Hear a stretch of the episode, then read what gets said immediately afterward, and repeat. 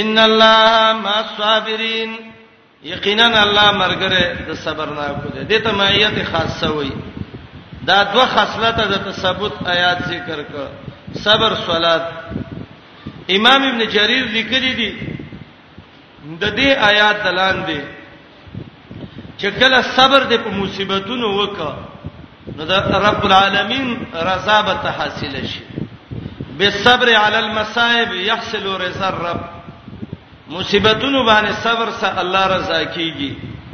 وبفعل الصلاه يتم الحاجات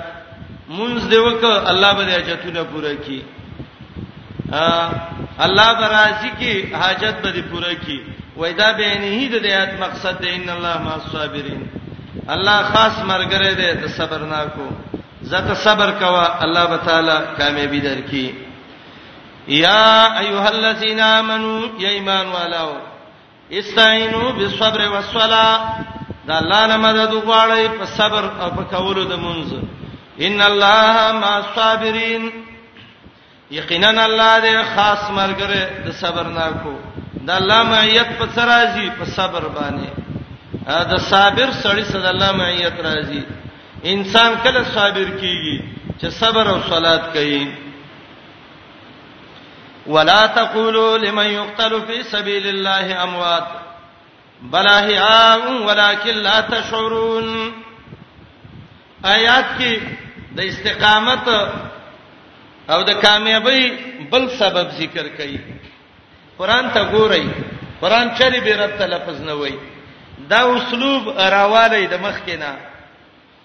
به به تاسو د قران په خوان پوي شئ رب یو قانون ذکر ک زه نعمت پورا کوم هدایت کوم وليتم نعمتي عليكم ولعلكم تهتدون دته تدبر القرآن وي قرآن تدبر د سې کې کته ګوري وتا الله وي نعمت پورا کوم او هدایت کوم یا الله نعمت به څنګه پورا کیږي او هدایت به څنګه پورا کیږي ورپسې آیاتونو کې پیغمبر مې راولېګ دا نعمت دې د هدایت لارې خي یتلو علیهم آیاتنا و یزکیهم قران الله راولېګ دا نعمت دې د هدایت لارې خي ورپسې فذكروني اذكركم ذکر وکا دا د الله نعمت دې د هدایت لارې تخي شکر وبا صد الله نعمت دې د هدایت لارې تخي کوپر مکه و دا نعمت دې هدایت به به میسي ورپسې ایماندارو صبر وکي صلات وکي دا صبر او صلات د الله معیت پر راضي چې د الله معیت راغې نعمت او هدایت خپل راضي ورپسې یاد کی وای جهاد وکا الله به شهادت درکې د شهادت په شان نعمت کم ځای کې ده ولا تقول لمن يقتل في سبيل الله دا الله هغه اسباب د حصول النعمه ول هدایت ذکر کړي او دا قرآن عادت دی یو مضمون شروع کی الله ډیر ښه شرح کوي دا مانور کوي دلته چې دا څنګه به رب ته قرآن دی چې الله وی پیغمبر می ولې به وی ذکر کاوه ورپسې وی صبر کاوه ورپسې وی ورک jihad کې مړ شونه مړې نه او ورپسې وی چې الله به امتحان راولي او ورپسې وای چې صفه مروه د الله د شاعرونه ده دا اسلوب د قران دی طریقه د قران قانوني ذکر ک زده محور او قانون باندې ته به په قران کویږي ولا تقول لمن يقتل في سبيل الله اموات قران کې دې مضمون باندې دعا آیاتونه الله ذکر کړی دي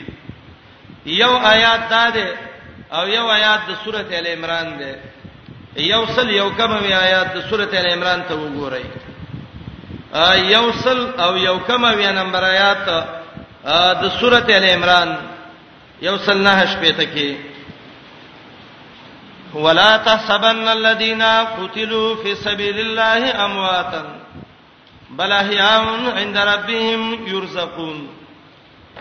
دا آیات او غایات دا آیات د بدر د شهیدانو باره کې نازل دي اغه آیات د احد د شهیدانو باره کې نازل دي دلته کافرو او منافقانو ویلي اسه عبس ځانونه مړ کړ الله وی ولا تقول چې خبرونه کې دی ونه وی ګره دا مو وی وا اسلام کمزور او دغه وخت کې ویناګانې کولې چې دا مرګري مړ کړ الله وی ولا تقول چې دا خبرونه کې الته منافقانو منافقان د سی ویلې نشو ځکه مؤمنان قوي شوي وو ګمانونه پیدا کول چې سړي پیغمبر د مرګري مړ کړو الله وی ولا تحسبن الذين لا ګمانونه کې ګوره م غلط ګمان کوو م غلطه وینا کوو دا وجه ده چې د بدر شهدا او بارک لا تقولو ویلي او د وحد د شهدا او بارک لا تحسبن نه ویلي دي دې آیاتونو کې مقصد الايه د آیات مقصد څه دی یو مقصد خدا دی چې مخکې ما ویلې چې د حصول د نعمت او د هدایت یو سبب الجهاد والشهاده دا دوه دي نبی علیہ السلام وی چې شهیدان چې دي د الله رب العالمین په نيز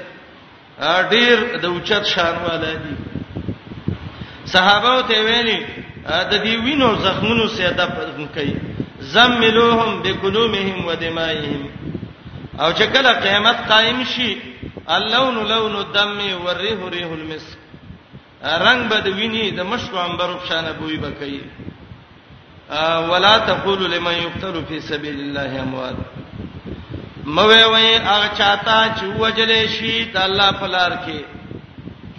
څه شی وته موي وي امواتن مړی وته موي وي د سیمه وا چې پلانې مړ دې د سیمه پلانې شهید شوه دې یوې ګملې کې سوګي خیر دی پلانې مړ دی شهید شي څه چل به شهره گاډي وو نمړ ښکارې وي او توکل په الله مو واغ چاته چې شهید شي د الله په لار کې امواتن مړ یو ته مو ویوا د صریح د قران د آیات ته ثابت دی پیغمبر وته شهید ویل ته مو ته شهید ویو شهید وته ولی وی ان شاء الله دا زروست ویم قران کې به بل احیاهم بلکې ژوند دي د الله په نس ولکن لا تشعرون د څه ژوند چې ته پینې پويږي دا آیات قران کې چاته دا استدلال ونیو قبرونو کې شهیدان ژوند دي شمه په بلوي چې قبرونه روخانه دیوی په لګوي جانډې په ودروي توافونه ته کوي غلافونه په غړوي او چې کور کې لوخي ماته دل نو شیشه په ورچوي ښا ولې قران کې الله وایي چې دا مړیو ته مو یو ژوند دي چې ژوند دي د الله بندنو به بار ولې نه راو بس کور ته راول کټ کې واچو ته بخاورا چلے دي د قران او حدیث علم چې د چانه ختم شي هغه به اوتی بوتی وي بیرته خبرې کوي دا لفظ زویم او د دې څه لږ وضاحت کوم د الله په مشیت باندې لفظ د موت او د حیات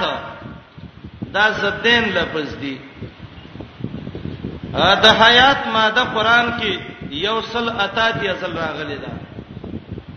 په مختلفو معناګانو باندې زمکه چې راشنه شي هغه دیم حیات ویلې ده سورته یاسین درې دیش کې زمکه حیات وک شنه شو کم قوت چې هغه قوت حاسه ده د انسان د حواس او صبرابري دي دته هم حیات ویل ده فاتر دویش کې کم قوت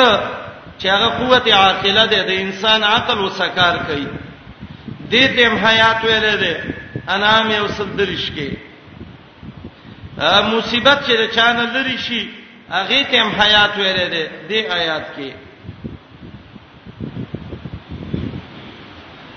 د اخرت حیات چې قیامت کې به خلک ژوندۍ حیات اخروی ابدی سورته فجر 33 کې براشي یا لیتنی قدمت لحیاتی د الله صفاتونو کې حیات راغله ده آیت الکرسی کې الحی القیوم آل عمران کې الحی القیوم فرقان اته 50 کې راغله ده حیات دا معنی د حیات دی موت چې ده دا ماده یو سل شپږ شپېته ځې قران راوړی دا په یو څو مانو الله ذکر کړی دی مقابل د قوت نامیه هغه قوت چې زیادت نه کوي وچی هغه ته موت ویلې ده بقره یو سل څلور شپېته مقابل د قوت حساسه هیڅ پکې نه وي دته موت ویلې ده مریم درش کې عقل چې ختم شي دته موت ویلې ده انام یو سل دویش کې غمونه چې هغه جون ختمي هغه ته ویلې ده ابراهیم ولس کې دا مرګ دی دا دواړه یو د بل ضد دي انسان چې کله مړ شي نو د دې انسان د مرګ نه روستا چې دا انسان مړ شي نو دته صفت د موت عارضيږي موت څه ته وایي مفارقه الروح الجسد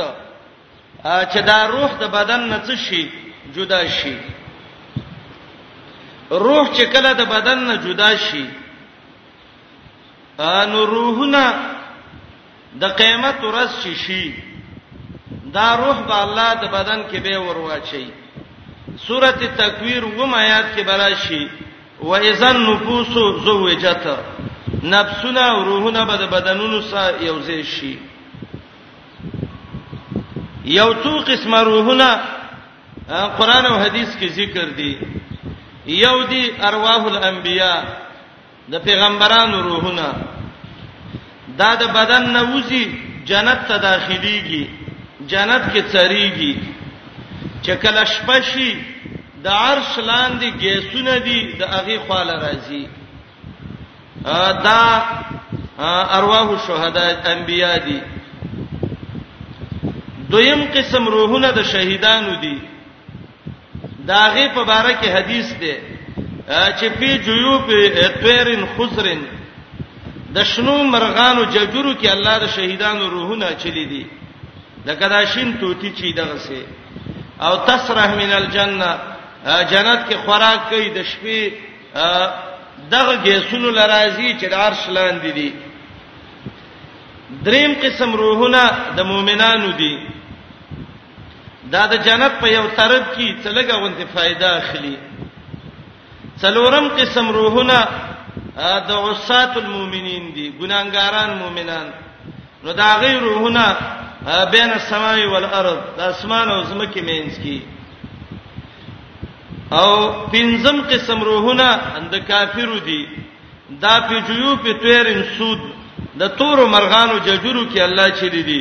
سجین کې دي سجین یو زیره د ووز مکو نه لاندې او دغه زندگی چې څونه ده چې د روح د بدن نه جدا شو قبر ته روح بیرته راځي اختلاف د علماو دی خو معمولی ټیم لې به زی د دغه زندگی ته د مرګ نه رستا تر قیامت ته قائمېدو پورې دا روحونه چې په کم ګډ کی دیتا عالم برزخ ویلې کی ومن ورائهم برزخ قران کې چرایي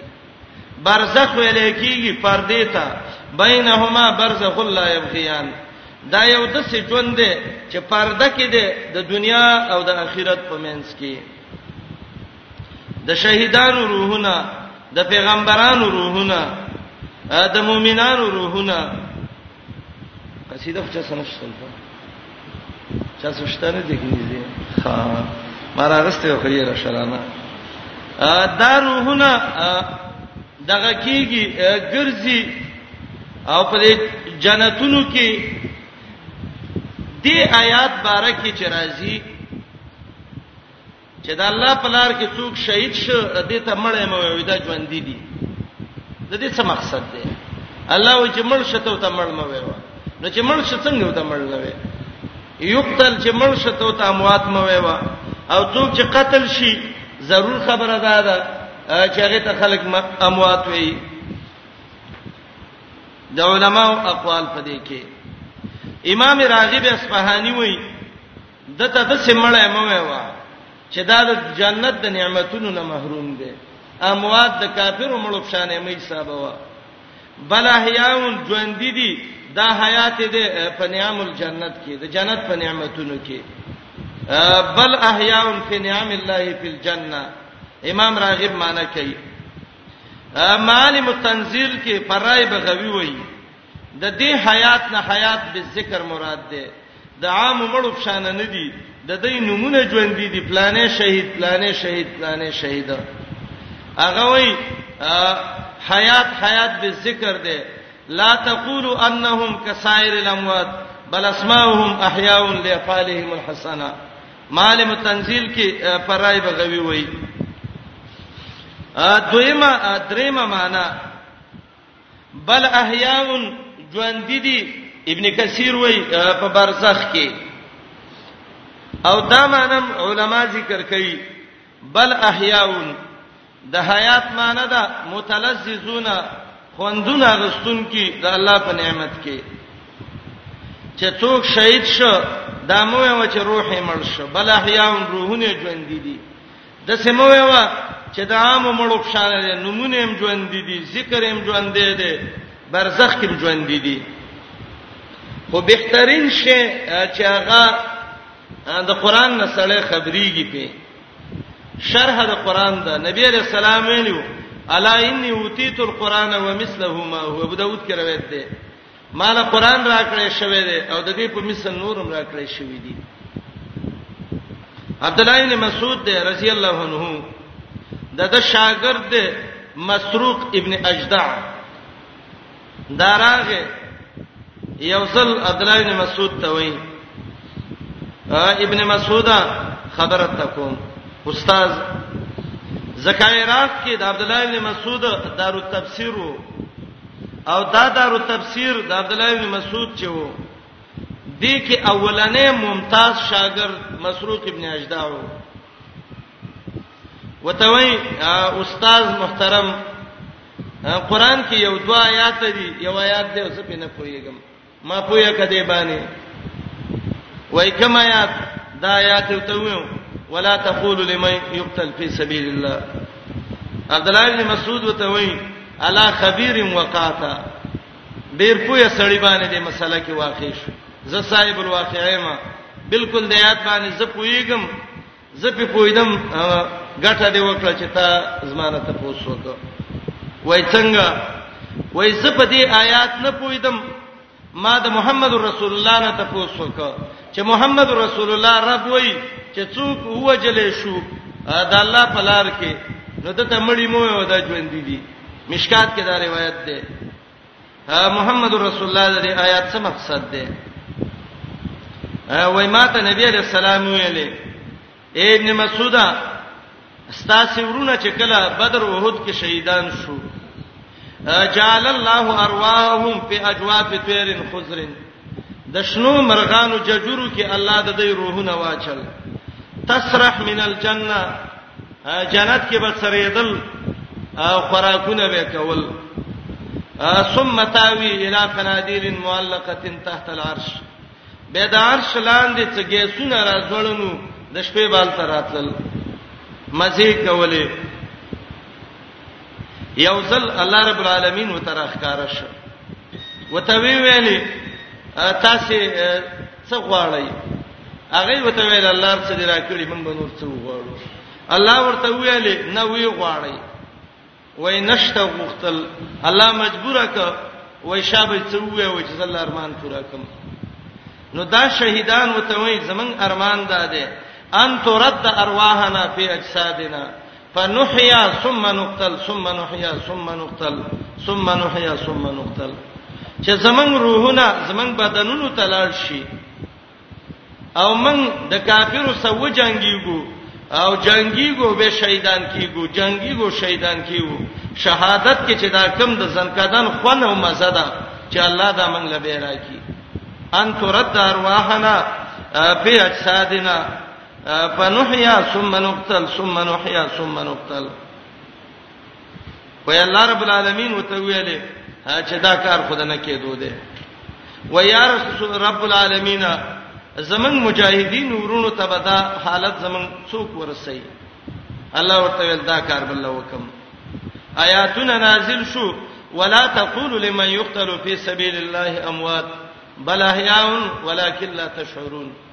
د دې آیات دا مقصد دی دا مقصد د آیاتونو نه دی کنه شهید قبر لورشه او تا پیجنی اول ته بدغه وکیدا سلام په واچوا وې حدیث کې دی کنه چې په مړی دی قبر دی سلام واچو نو به دغه کیږي دا تا ته بیرته سلام راګرځي دا روایت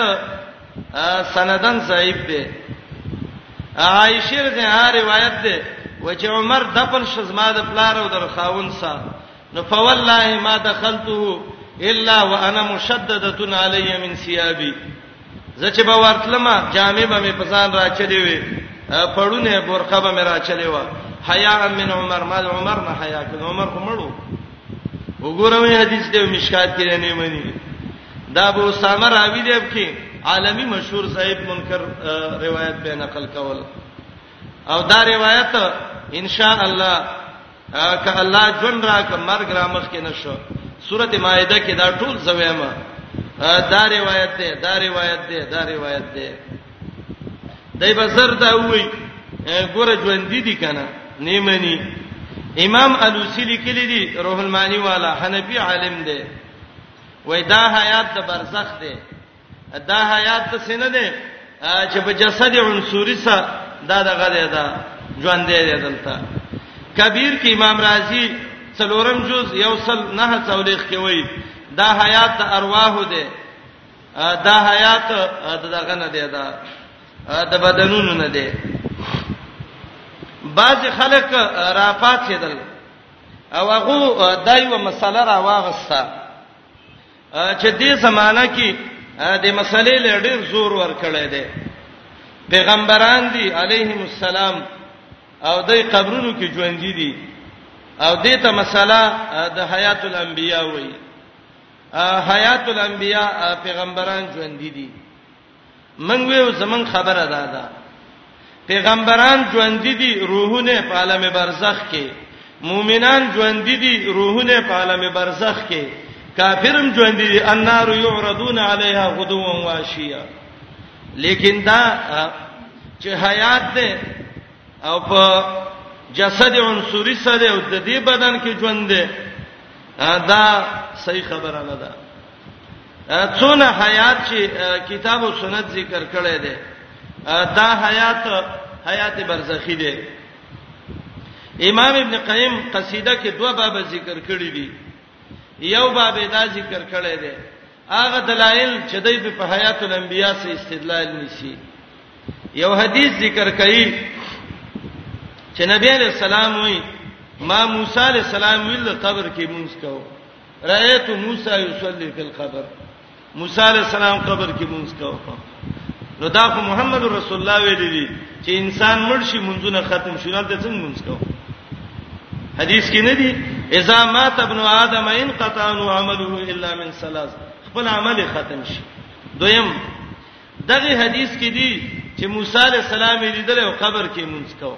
دغه حدیث کې دی چې موسی علی السلام بیت المقدس کې پسې نبی رسول الله پسې مونږ کړه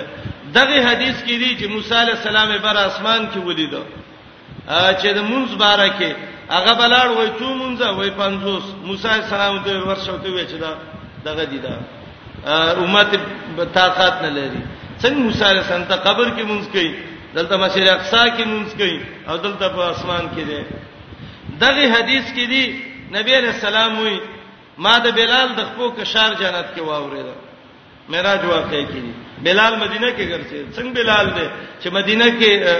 ګرځي او په جنت کې د خپو کشار دی دغه حدیث کې دی عمر رضی الله نبی علیہ السلام وی جنت تلاړم خيسته کورو د دې مخې ته ګورم یو خپل جنای ناشته ده وای ما ول چې دا کور د چا دی وای خلکو راته ویل چې دا د عمر ابن الخطاب دی جبريل راته ویل وای ما چې دا جنای څوک ده وای چې دا د عمر رضی الله عنه هره ده نو عمر ته سار لګی دی او ته وای اراده مې وکړه چې د کور کې وګرځم چې دا څنګه کور دی په ذکر تو غیرتک عمر استا غیرت را یاد شبه به چې زما کور کې تاسو کول چې ورتلې عمر رضی الله عنه په جړا شو وای اعلیک اغار یا رسول الله زبا اوس پتا غیرت کوم چې خپل کتب زما کور کې ګرځي او زبا ویم چې دغه دی دا دا ټول دی عمر مدینه کې ولته بلال د خپل کشارو ډېر خزي دنیا کې او نبی اسلام ما جهنم کې ویللې دې ته عالم امثال ویل کیږي عالم امثال مسل له الانبیاء علما وی ان شاء الله بن اسرائیل کې زویم دا پیغمبر هغه عمل وته الله مصور ک دا مانند چې موسی سره قبر کې منځونه کول به بدا اشکال 14 به کم ځای کې کړی او کم طرف ته به قبله او کم طرف ته بن نه نه د الله نبی ویل دي د شویل دي د تعالی امثال وي او د سړیر دي کله به وي حدیث کې راغلي دي ور امام به هقی راوړی دی الانبیاء احیاء فی قبورهم یصلون پیغمبران قبرونو کې منځونه کوي او شیخ البانی متصیب ویل دی میزان الاعتدال کې د روایت ته زید راوی دی په او دا روایت ضعیف دی او بل دا د عالم امثال دی او که عالم امثالم نشي او دغم نشي روایتم صحیح ثابت شي او په دلیل څوک وي موږ یو سبیل کولو نو کله کله وای امام ابن قیم د دې د دلایل را جمع کړی دي چې ګوره د انبیانو حیات چته او کړه شهیدانو پیغمبرانو درجه اوچته کړي شهیدانو انبیاو نو وای شهیدان ژوند دي دي ته استدلال کوي نو د پیغمبرانو حیات خو د شهیدانو نو چت دي نو پیغمبرانو ژوند دي شو امام ابن قیم وای ای ساده سره وای دا شهید حیات منسوسی دي زته د پیغمبر هغه کې نه سوخه او دویم قیاس د نبی په شهید سره کې د شهید د خزي عدت چې پوره شي بدای او صنایع کې امام کاسانی اول جز غالبا اخیری صفحه کې لیکلي دي چې شهید چې د خزي عدت پوره شي خاون شي کوله مالی شي تقسیموله تر پیغمبر د خزي سنیکا شي کوله مالی شي تقسیموله ولې تخفل قیاس په غیبانی کې دا قیاسونه دا فائدہ نه ور کوي نو کله کله به وای ګوره د محمد رسول الله علیه السلام مال تقسیم نشو نو چې تقسیم نشو او ژوند دی وکنه نا غو خدای ابوبکر او د فاطمه په ډیره لوی لانجه راغلی و حدیث نه ځان خبر کا صحیح خبر ادا ده چې د انبیانو حیات چې ده د مؤمنانو د دې خو برزخ کې ده د قبرونو کې نه ده امام ابن قیم وی لو کان حیا فی الضریح حیاته قبل الممات بغیر ما فرقانی اګه چیرته مړې په قبر کې ژوندې د مرګ نامخ کې دلیل به وخه وي موږ به سومنو او که چیرته نبی علیہ السلام ژوندې وي ما کان تحت الارض بل من فوقها والله هاذا سنت الرحمن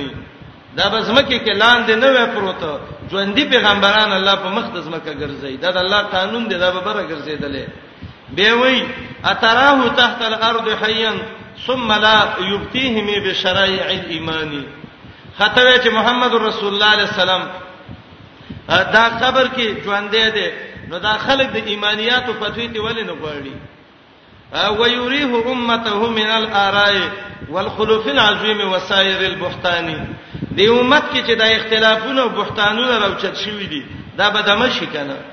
کنه پیغمبر د څه دی چې ژوند دی د خبرې نشي کوله ام کان حیا عاجزا عن نطقه وان الجواب لسائل اللحفانی کنه ژوند دی د خبرې نشي کوله محتاج له جواب نشي ور کوله وان الحراک فمل حیات اللاتی قد اثبتموها او ذهو ببیانی ژوند دی د څه دی خبرې نشي کوله جواب نشي ور کوله قصیدل نشي وای دا څنګه ژوند دی د دې ژوند به معنا څه ده د ته حیات نه ویلې کیږي او به وای هاذا ولملا جاءه اصحابه یشکون باس الفاجر الفتانی هغه د فاجر الفتان فتنه چې راوچته شوی و صحابه وته ویل نو چې یا رسول الله دا فاجر الفتان دې موږ څه چلو اذ کان ذالک دقبهم ونبیهم حتا یشاهدهم شهود عیانی دا د صحابه او عادت چې یو مسله براله او محمد رسول الله بجوندې او هغه ته به واپس کوله او بیا وای هل جاءکم اثرون بان الصحابه سالوه فتيا وهو في الاكفان تاسو ته پته نه و چې په کفنونو کې به خلک پراته نو صحابه په تفوس محمد رسول الله نه کوله هغه وخت کې فاجابهم بجواب حي ناطق فاتو اذن بالحق والبرهان هغه به صحیح جواب ورکړي ورشي حق او برهان راوړي او به وای حلا اجابهم جوابا شافیا ان کان حیا ناطقا بلسانی کرشته خبرې کوي پورا جواب به ولور کړي وې کنه دا غلطي خبرې دي امام علوسی دویم جز درو المانی شلمه صفحه کې وای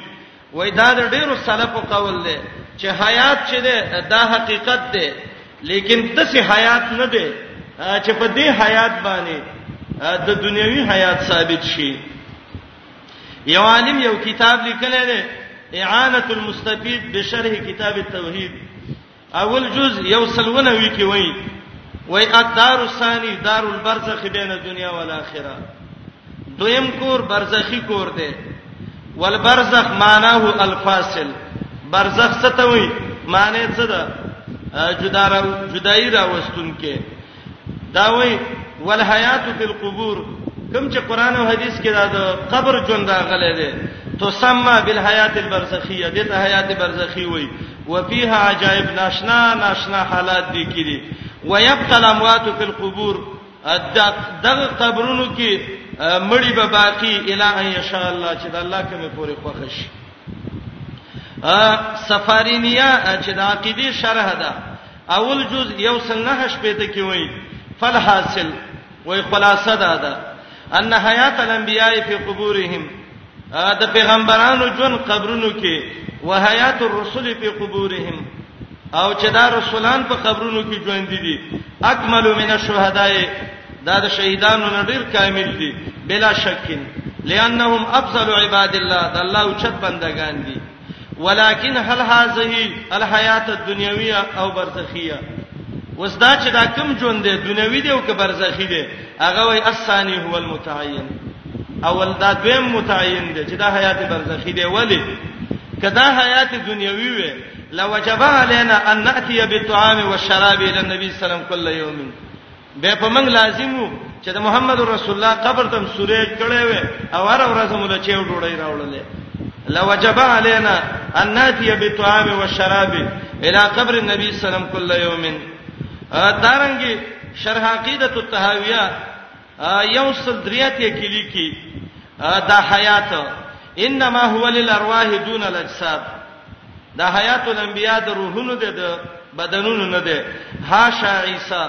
فإن الله رفعه إلى السماء بروحه وجسده ما سوا د عیسی علی السلام نه شرح عقیدۃ الطحاویہ د عبد العزيز الراجحی اول جز اتمه صفحه کې لیکي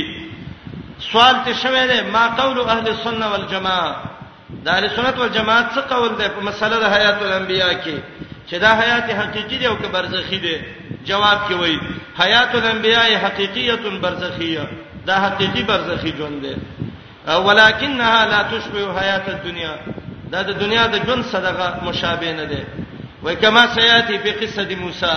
لکه د موسی علی السلام واقعا کې ده چې نبی علی السلام ليله المعراج کې قبر کې لیدل او وراه یصلی په سماع السادس او دا شپږم اسمان کې لیدلو بیت المقدس کې لیدلو اول انبیاء میتون پیغمبران خمړ دي لقوله تعالی انک میتون و انهم میتون شرح عقیده التهاویہ چې هغه ابن جبرین په د شرح کړی دا دریم جز یو سل درې پنځوس کې وایي ولو کانوا فی قبورهم کدا پیغمبران قبرونو کې دي پرواهم عند ربهم روحونه د الله سدي او الله خبر ورکړي چې بانهم يرزقون الله ولل رزق ورکړي قصیده نونیه کې وای وفر الجهميه الى القول بحياه الانبياء في قبورهم وای جهمین دې ته تلیو چې قبرونو کې پیغمبران ژوند دي دا جهمینو عقیده ده شرح قصیده نونیه خلیل هراس چې په شرح کړی دا دویم جز یو سل درې پنځوس کې یو عالم یو کتاب لیکلی دی محمد ابن اسماعیل الصنعانی داغه کتاب دی هغه وای انصاف دا دی چې حقیقت د اولیاء او د پیغمبرانو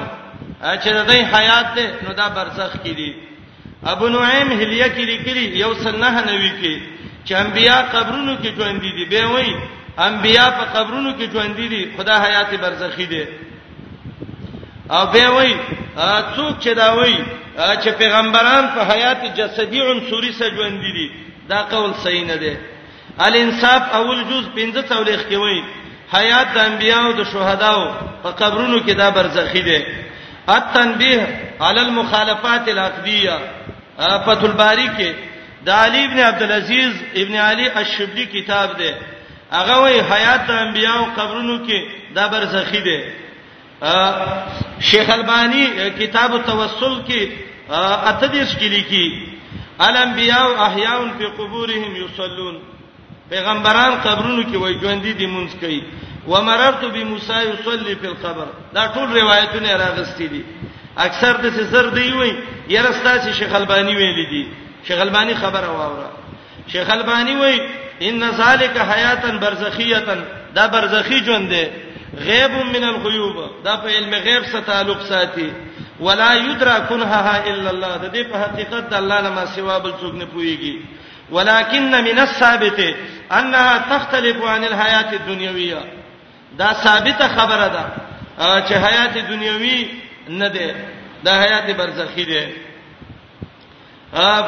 به غوي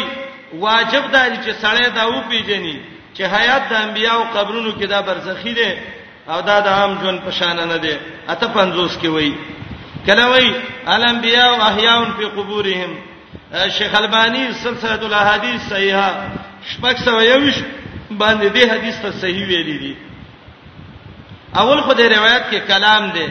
وزاره شیخ البانی دغه خبره ته ګوري ورپسې شیخ البانی وایي قلت هذه حیات برزخیه بدلیل وقوع الموت علیهم دا برزخی ژوند ده او دلیل پیدا دی چې مرګ پر راځي او به هغه وایي اعلم ان الحیات التي اثبتها هذا الحديث پوښ هغه جون چې دی حدیث کې دی انما هي حیات برزخیه دا برزخی دغه دی ژوند دی لیس من الحیات الدنیا دا دنیوي نه دی او د دې په حقیقت الله پويږي نو لسم جز دیمه سبا د سلسله کې دی دارنګ به وی الجامع فی المولد داغه کتاب دی او پندلسمه سبا کې وی دې حدیث کې چې کوم حیات راغلی دی وای دا حیات برزخی دی یو عالم کتاب لیکل دی الرد علی فیصل مراد پنځه څول اختیاغه وای واحوال الاموات فی قبورهم دا مړي چې د قبرونو کې او پیغمبران دي دا من احوال البرزخ و امور الغیب دا برزخی امور غیبی دي المعتصر چې هغه کتاب التوحید شرح داغي کې وای الانبیاء كلهم احیا فی قبورهم پیغمبران قبرونو کې ژوند دي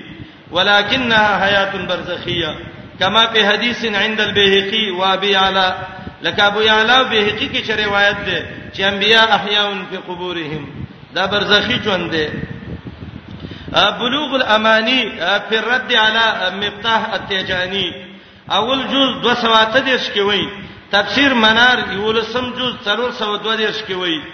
رشید رضا وایي وای کل ما ورد په حیات الشهداء والانبیاء بعد الموت کم حیات د شهیدانو د پیغمبرانو چې راغله دا د غیب نه ده په دغه قیاس نه کیږي برزخی ژوند ده تجرید التوحید من درن الشرک وشبه التندید د فیصل قزار الجاسم دغه کتاب اول جز 350 کې وایي چې څوک وایي چې دا حیات دنیوي ده د اصل په قران نه کوي ځکه قران کې ده انک میتون او چې څوک وایي چې پیغمبران دې قبر کې ژوند دي دي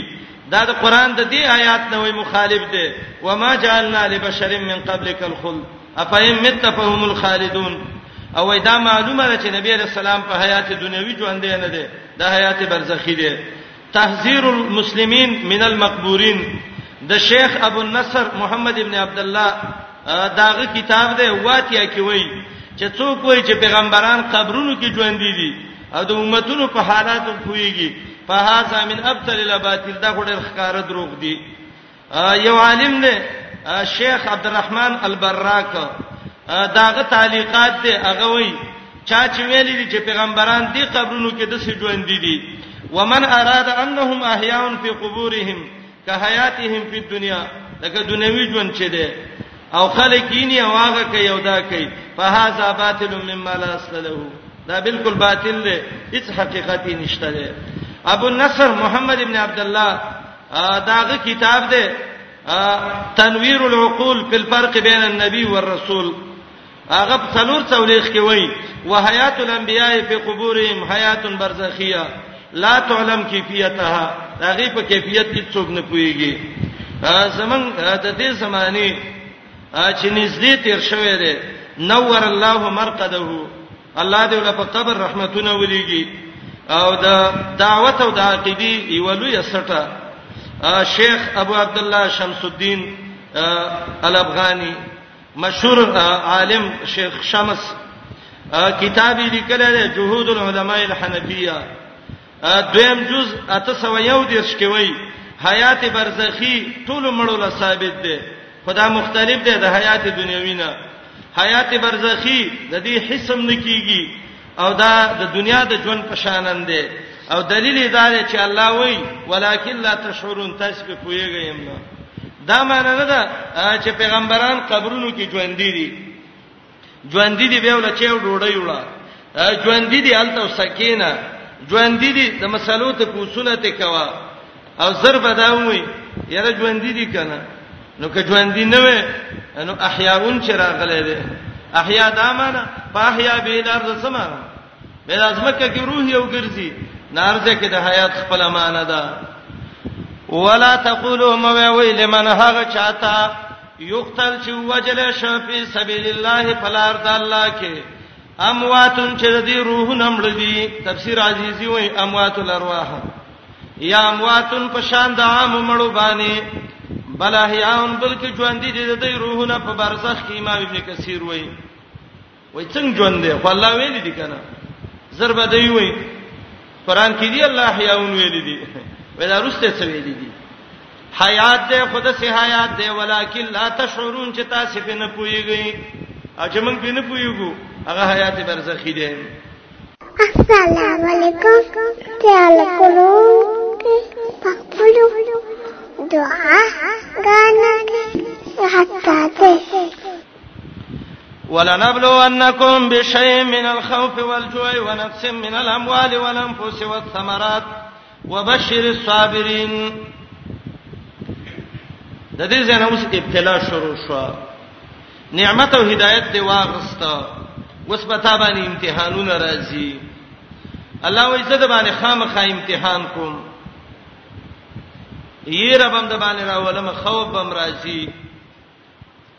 ولګه بم راځي مالونه بدیم کمیږي نفسونه بدیم کمیږي میوي بدیم کمیږي دا مصیبتونه به خامخا راځي عبد الله بن عباس رضی الله عنهما وایي خوف څه ده من العدو دشمن نه به ویریږي یره بر باندې راشي امام شافعی رحمت الله علیه وایي الخوف من الله امام قرطبی ته نقل کړی دی الله نه به یریږي او خوف دام دې زړه کې بد الله نه ویریږي جوع لګه بر باندې راځي روجي بني سي نقص من الاموال مالونه به دې کمیږي زکاتونه او خیراتونه به ورکه ولنفس نفس به دې کمیږي جهاد کې شهیدان بننه کیږي میوه به کمیږي میوه څه دي رزقونه به ختمي او میوه دا دي چې واړه واړه بچي به دمړ کیږي وړو کې بچي مرګ ته سمره وړو کې بچي ته ویل شوی دا اخذتم ثمره فؤاد عبدي حدیث کې راغلي دي ماشوم بچي چې مړ شي الله ملائکه ته وې زما د بنده د زړه میوه واغسته وای او وای چې کول وای ست صفته کو وای ابن لعبدي بیت دې بنده له جنت کې یو کور جوړ کړي وسموه ببيت الحمد او بيت الحمد نوم ولکې دی دا مصیبتونه برازي خامخه او ته به صبر کې نو چې صبر وکي الله به جنت ته بوزي دته ابتلا ویل کیږي ابتلا بالمصائب کله راځي مصیبتونه راځي ولنبلونکم خامخا امتحان کو پتا سي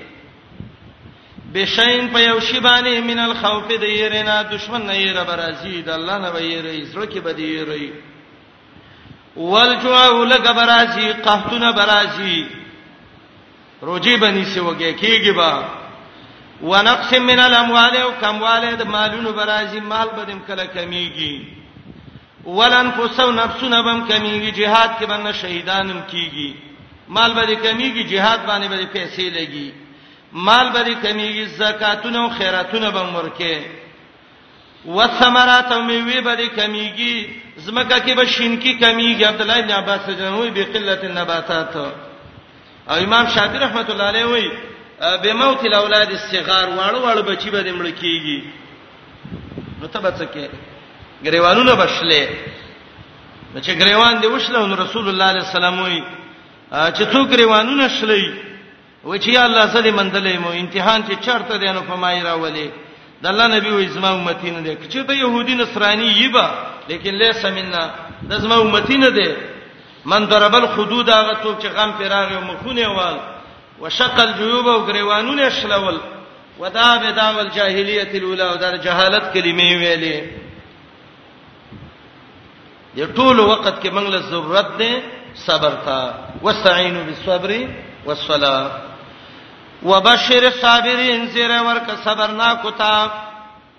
دا زیره په څه شی باندې ده مخکې آیات کې ویلې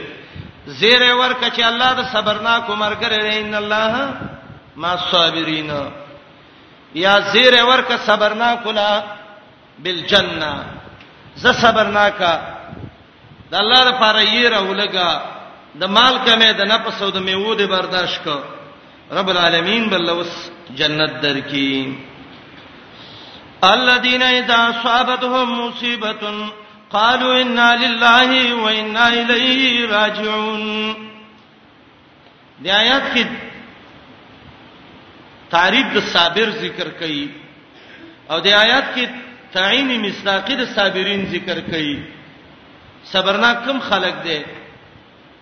چې د غم وخت کې د خوشحالي وخت کې د دې الله یادي ويدعوننا رغبا ورهبا وكانوا لنا خاشعين او دا چې مصیبت پر راشي وي الله تخلو وازه کړی یا الله سره مندلې مو یا الله څه وکمو یا الله زما د غرب شان پلارو غرنه که هر څه شان شي دی وخت کې تعالی صبر ضرورت دی د سپي خوې باید سړی ځان کې پیدا نه کی د سپي خوې دا ده مالک یری خو چې وګه شي دا برا شي دا لکې ورسې خوځي وته به چې مال ډوډۍ راکی باید چې مؤمن د راحت په وخت کې الله یاد کی او حدیث کې دی که څوک په دې خوشحاليږي چې زما دعا الله مصیبت کې قبول کړي نو فل یکسر من الدعاء فی الرخاء راحتونو حالت کې دعاګانې کوي مؤمن چاته وي هغه خلک دي چې مصیبت وته ورسی قالو اخلیم وای عقیده هم دادا ان لله من د الله یو و ان الیه راجعون من به الله ته ورګرځو ګور ان لله کې اقرار بالم بالمصیبت ده زمنګ مړکړو او مصیبت را باندې راغې او ان الیه راجعون کې اقرار بالباس بعد الموت ده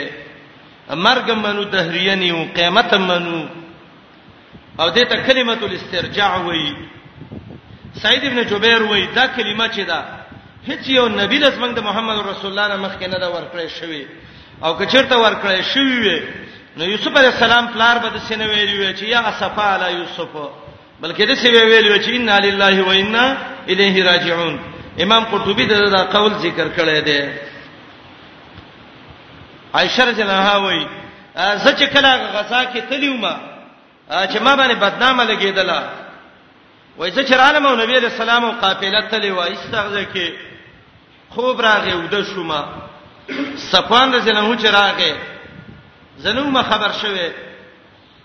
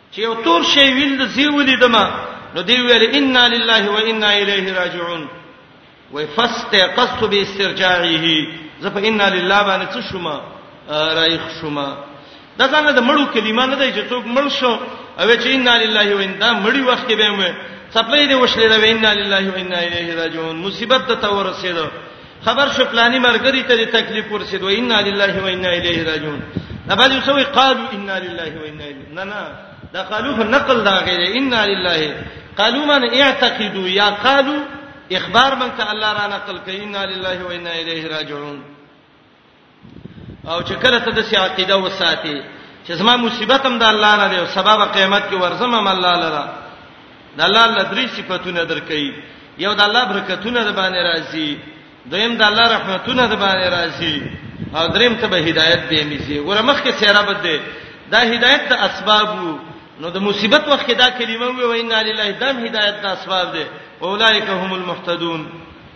اولایک علیهم صلوات من ربهم د الله د خوانه په ثنا او صفت او رحمتونه او برکتونه دي ورحمتونه او د الله د خوانه رحمتونه او ثوابونه دي واولائک هم المهتدون هدایت هم ده عمر رضی الله عنه یو ځل د آیات ولسته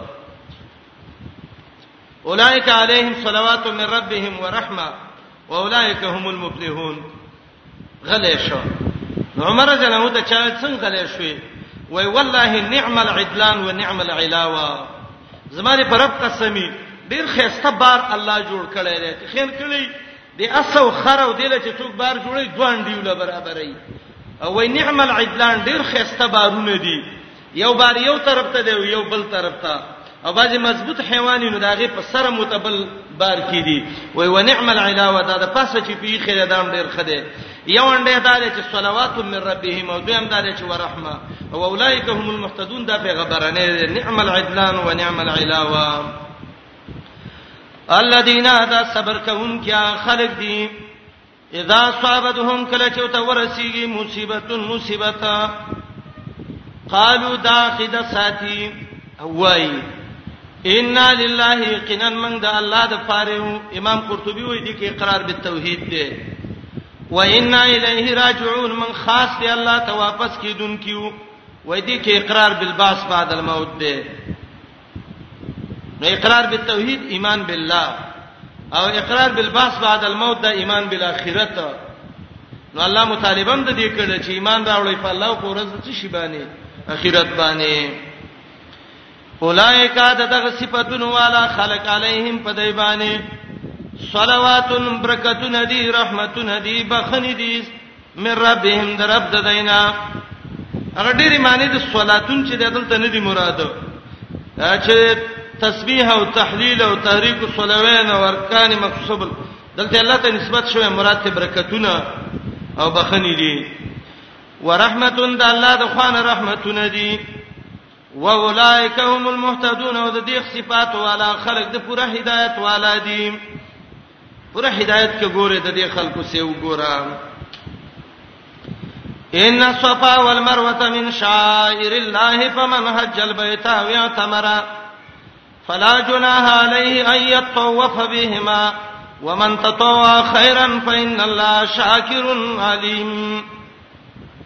آیات کې د اخیری شبهه جواب ذکر کړي او دا شبهه په بار د صفه او مروه کې و صفه او مروه دا دواغه سيزونه دي چې حاجین کله حج تلل شي یا عمره لور شي نو د بیت الله د طواف نه روسته به د صفانه شروع کړي دا غړې رکې دا او مروه دا غبل ډېرې دا اوسې مغه علامه د ګټو ښکاری حدیث کې یو مسلم کې یو حدیث دی رسول الله صلی الله علیه وسلم به ویلي ابدأوا بما بدا الله به طواف دام زنه شروع کړي چې الله د کم زنه شروع کړي چې هغه صفه ده د صفه نه مروه ته لاړ شدا یو سعی مروه نه به صفه ته لاړ شدا دوا به لاړ شه چې مثلا درې ځل وګرځي د دواړو نه او یو ځل یو طرف ته وګرځي نو د صفه نه به شروع کړي او په مروه به تیوزي نو طواف به ختم شي اباځه علماء وایي چې دا تلور سو درې نوي قدمه ده خدا ډیر ده د دې حساب کې خطا شوې دي تقریبا لږ څه کم میل تر رسیدګ ډیره فاصله ده ځکه عمره والا او حاجین چې ډیر ستړي کیږي نو دا دې منډو کې ستړي کیږي یو خلنګي دغې دا احرام یې غي سعادت نه بل ډیر حجوم او غنی نو اکثر د سیخ په خوښ شي دلته به مشکل وته جوړ شي دا صفه او مروه دا هغه سیو چې هاجری بیبي بی اسماعیل د بیت الله سفرې خېو ابراهيم عليه السلام ته تلو نو دا صفاته ختلې و چې څوک باندې چې منګل لګي وبره کی چې وی کتلې څوک نو مرواته منډه وکړه الته وکتل څنو به صفاته منډه وکړه دا و منډه کړې وي ابراهيم عليه السلام هم د سبا کولې نو محمد رسول الله علیه السلام د حاجری ابي او د الله د حکم د وجه نه چې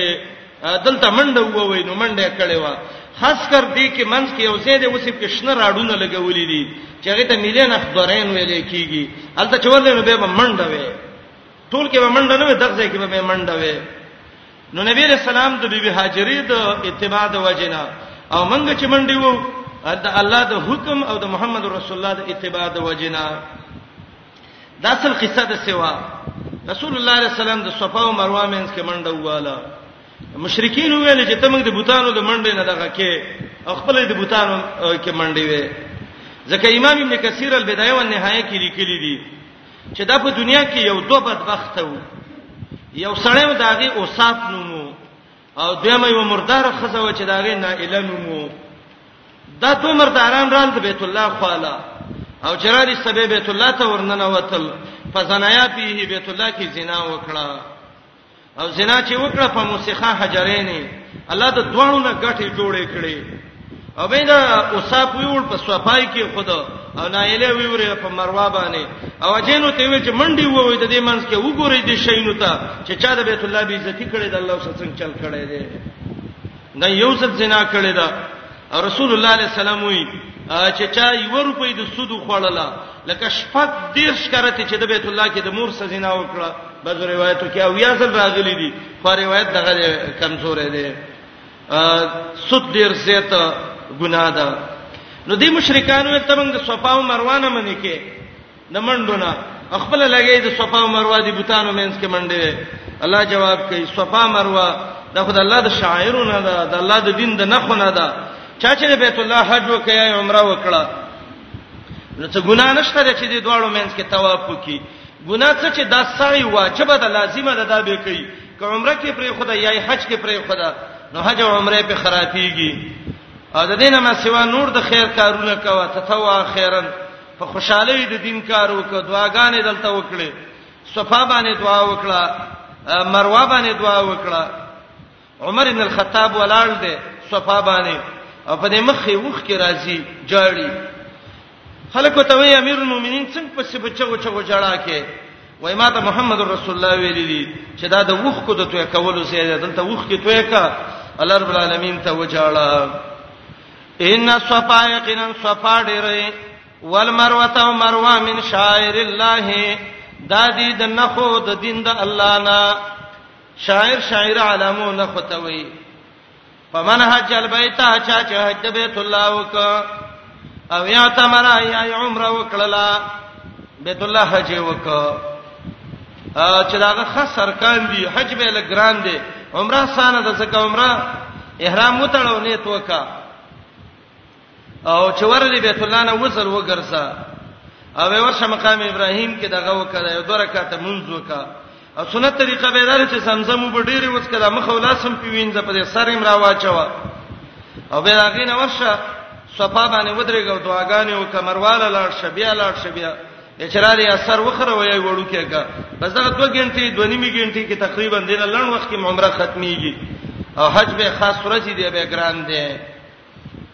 چا چې حج د بیت الله وکیا عمره وکړه فلا جناح علیه نشته ګنا په دې باندې ګنا نشته سمانه مشرکین دا ګنا ګڼل چې دا خود بوتانو منځ کې منډه ده ان یتوا پاتل راتل وکي به ما په مند صفا او د مروه کې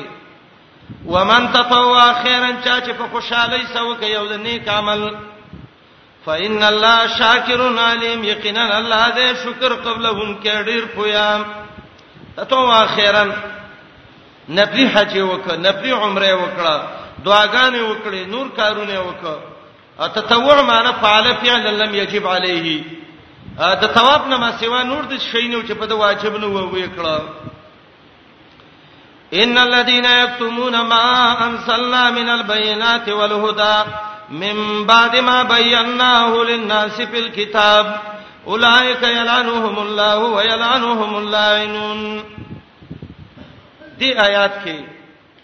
الله زجر ور کوي د دې آیات د مخکې سره به ته مناسبت ربط ادا ده دا مخکې ګوره دا حق خبرې وي دا ټول چې ذکر شو او دې يهودو او نصاراو به دا پټول الله یې پټون کې د حق ته خدای لعنت په نزلانتی ټول خلک د باندې لعنت وایي او مانزلنا من البينات ویلي اشاره د سیده چې دا قبله او دا د نعمت او د هدایت امور دا ټول امور چې دی بینات دی واضح دلیلونه دي ان الذين يكتمون ذا توکو یو قول دا چې دا احبار اليهود والنصارى د يهودانو د نصاراو هغه مولینو د نبی علی السلام او د قبله او د قران حقانیت پټ کړو بعض علما وایي چې نه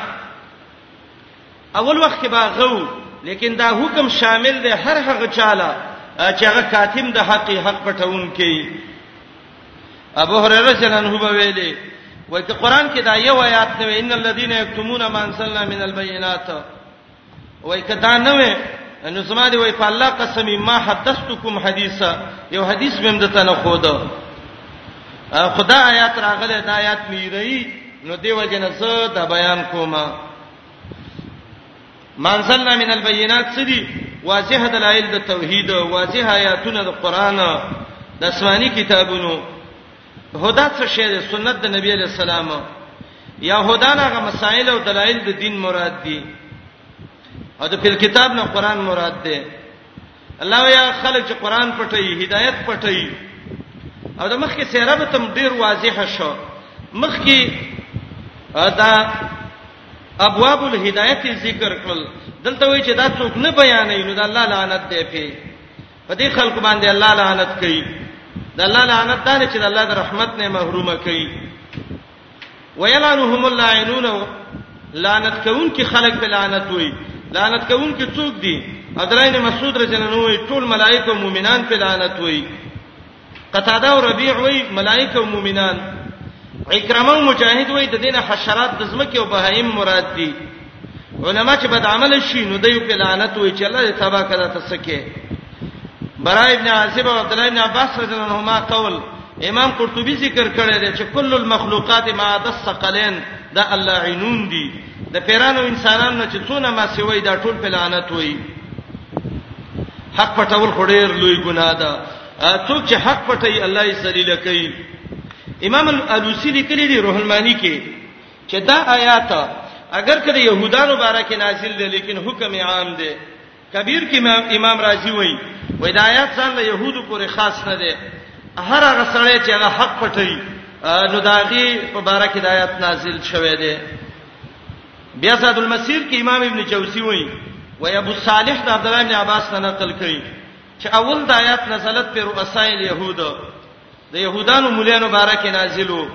کتمو ما انزل الله فی التوراۃ من البینات والهدى تورات کې چې کوم بینات او هدایت و هغه پټ کړو بینات څو حلال او حرام حدود او فرایض هدایت څو صفت محمد رسول الله علیه السلام او د صفت قران کریم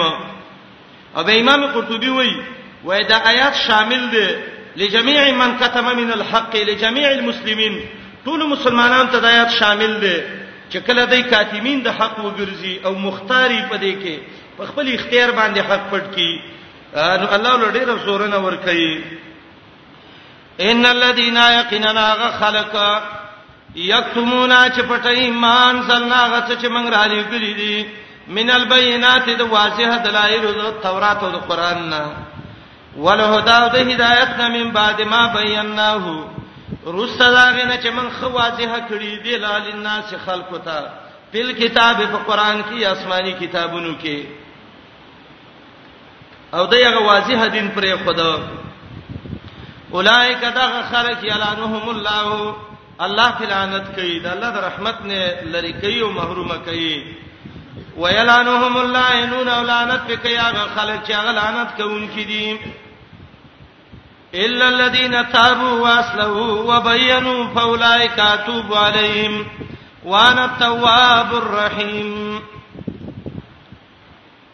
دی آیات کې اوس توبه وباسي ځکه یو سړی دا عمل کړی او توبه وباسي توبه قبول ده او دا توبه د مولا ده ولی یکتمون ما انزلنا کتمان د ما انزل الله څوک کوي علماي سوء کوي بد عمل عالم دی او توبه وباسي او چې زه خسړې د ځان نه جوړوم دا به څه چل کوي یو خدای چې الله ته به توبه وباسي تیرا ګنا باندې به خپي به به نه کوي آینده کې به قصو کی چې زه به ګنا نه کوم دویم دا چې واسله دا به د عمل اسلام کوي آینده کې به دغه صحت نه پټي او دا الله قانون دا دی که ښکارا دي ګناه کړي او ښکارا به توبه وباسي او کپټه یې کړي ونه څه دی پټه به دا کې دا کتمان چې د کړه او د حق پټ کړه او نو دای په منبر پټ کړه نو وبینو دا به منبر ته خيږي او بیان وکړي چې ما مخکې خبره غلطه کړې و او اوس یې حق را ورسېد او اوس د حق مرګره ما نو دا خلک الله وي چې زه به توبه قبول کم زه به په مهرباني وکم دا توبه د مولا ده مولا به توبه وباسي ځان به اصلاح کوي بیان به کوي د امی سړی توبه سورته ال عمران وګورئ د امی بوج کم نه نه د امی ګنام توبم کم ده اته کې کې وګورئ دوه شرط د امی د توبه الله ذکر کړی دی الا الذين تابوا من بعد ذلك واصلحوا فإن الله غفور رحیم یقینا هغه خلک چې توبه وستل دین روستا د امید توبه به وباسي واسلو خپل عمل به اصلاح کی دا دعا بس الله به تبخنه وکي د باندې بیان مې نشته ده توبه به وباسي او ځان به اصلاح کی درې متوبه دا غلوی رزل د منافق هغه ډیره سخته ده داغه څلور شرطونه دي ځکه د منافق منافقت ډیر سخت وو سورته نساء وګورئ یو سل شپږ څولېخته وګورئ د منافق توبه ان المنافقین فی الدرک الاسفل من النار ولن تجد لهم نصيرا یقینا منافقان پلاندې نه طبقه د جهنم کې وي هرگز به ونه مومي د لڅوک مددگار د ډېر پټ کار کوو او پټ پټ بغیر زیاده الله یې ورګه د جهنم کې هغه پټي طبقه ته ورواټو به د ټولو لاندې تا نو که یو منافق وای چې زه توبه وباسم بالکل دروازه کولاو درازه الا الذين تابوا واصلحوا واعتصموا بالله واخلصوا دينهم لله دا څلور شرطونه دي ګورئ دا پنځمه سپارښت ختميږي اخر کې هغه خلک چې توبه وستا ایوا اصلاح د عمل وکړه دوا منافق عمل به دروغ کې واتسمو بالله د الله په دین منګولې ولګولې چې اصلاح شو د منافقت نه خلاص شو واخلصوا دینهم لله او دین خالص ک د چا د پاره د الله د پاره څو شرط د منافق د توبه فاولائک مع المؤمنین به دغه مرګره د مؤمنانو ده وسوف یوت الله المؤمنین اجرا عظیما زر د الله مؤمنان لړ اجر ورکړي درې قسمه توبه الله ذکر کړې دي دوه وخت توبه نه قبليږي یو وخت دا دی چې زلکدن غرغري شروع شي او دې وخت کې توبه وباسي به دې وخت کې توبه نه قبليږي اول چې کوپر حالت کې مړکیږي او دې وخت کې دا لګي نو دغه وخت کې به توبه نه قبليږي الا الذين مگر هغه خلک چې توبه ایستلی امام نووي وایي دا درې شرط توبه کې دي ښا په ځړې ګناه خفا حالن پر خودل آینده کې قص کول به به نه کو توبه دې تنو چې یو غوګونی سپ یو لاس بل په بل لاس غوګونه دې ولو تر ورسول او دا ګناه دې پر نه خدا دې توبه خو نه وایي واصله اصلاح د عمل وکړه عمل جوړ کړه شریعت مطابق اصلاح صلح ده کنه شریعت مطابق عمل جوړ ک وبینوا خوزاحت وک چله کدا می غلطی کړو زما الله ته توبه ده فاولائک دغه خلق اتوب علیهم الله وې زمره باندې کوم په دې باندې وانا التواب الرحیم زم توبه قبل ان کې رحم کوم کې څه خلک دي چې کفر کې مړ شو ان الذين يقيننا خلق كفروا چې کفر وکوم مړ شو او دوی کافرون دا ذکر کړي کې څه فائدہ ده اشاره دی ته دا اے بیمانه کتوبه دی وسته مؤمنه کدی وینسته کافری کفر کې دونه تاوان دی ګورو تا یقینا خلک چې کفر کړي عمر شوی دی او دی کافری فولا اولایک دغه خلک علیهم لعنت الله فدیبان لعنت الله دی والملائکه او د ملائکه دی والناس اجمعین او د ټولو خلق لعنت دی په سورته اعراف ته د اس کې براشي چې مشرکان به متوي تباہ او برباد شي د څم کوله والناس اجمعین مؤمنان مشرکان ټول مراد دي قرآن د اسلوب نه سم معلومیږي یو ورځ نیمه به سبه چټي وکي د لعنت نه نه نه خالدین فیها مشبې د لعنت کې بالکل ته وته نشي کله شي لعنت کې به عذاب به نه عذاب به خو عذاب بس پکی نه لا یخفف عنهم العذاب سپک بنه شر دین عذاب عذابونو کې به چټیم به نه ولا هم ينصرون او نه بدای ته په دسه نظر وکتل شي چې د عزت برابر شي به ولا هم ينصرون بنظر الكرامه دسه نظر به تهونه شي چې د عزت په برابر شي یا ولا هم ينصرون دای ته به نه کتل شي په نظر د رحمت باندې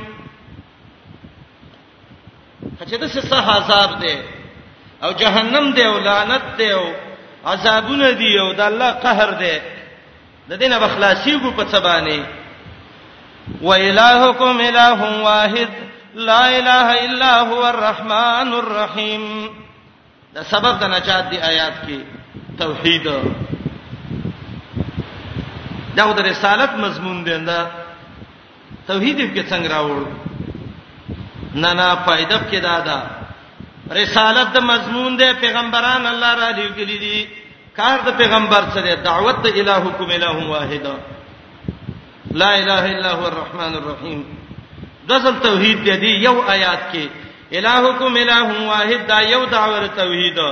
لا اله الا هو الرحمن الرحیم دا دویمه دعوه تکرار ولې وکړه ډېر تاکید د وجنه دویم الہکم الہ واحد دا دعوه شو حقدار د بندګۍ ستاسو دا یو ذات دی څه دلیل دی پی لا اله الا هو الرحمن الرحیم زکه بل الہ نشته دغه الله رحمان دی او دغه الله رحیم دی کما الله چې رحمان یو کما الله چې رحیمی نو هغه حقدار د بندګۍ نو الہکم الہ واحد دا دعوا لا اله الا هو الرحمن الرحیم دا څه شو دا دلیل دریمه طریقه دو طریقې باندې دی آیات کې توحید ثابت دی ثبوتی طریقې سلبی طریقې ثبوتی طریقه دا ده الہکم الہ واحد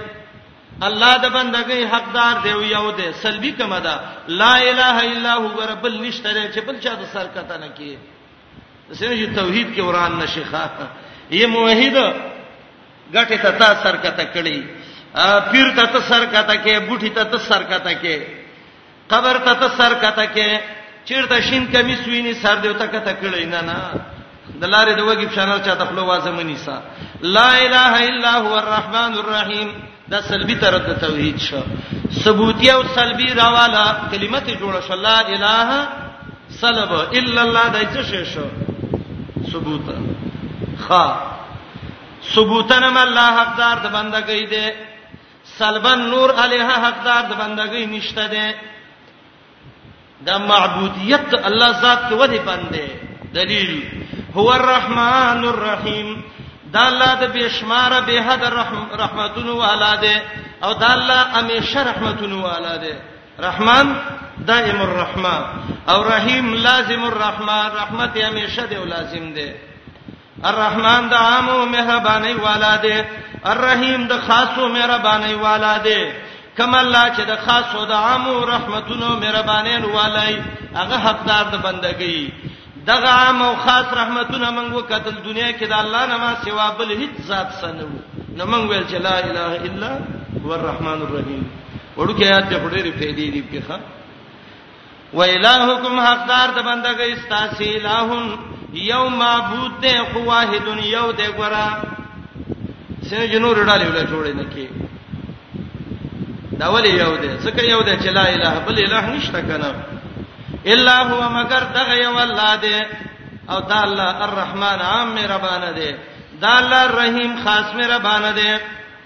د حصے درې بابا د مقام پورې ختم شو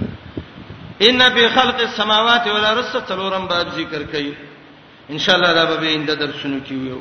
درس نور چټي دي ان شاء الله اللهم صل علی محمد وعلى اله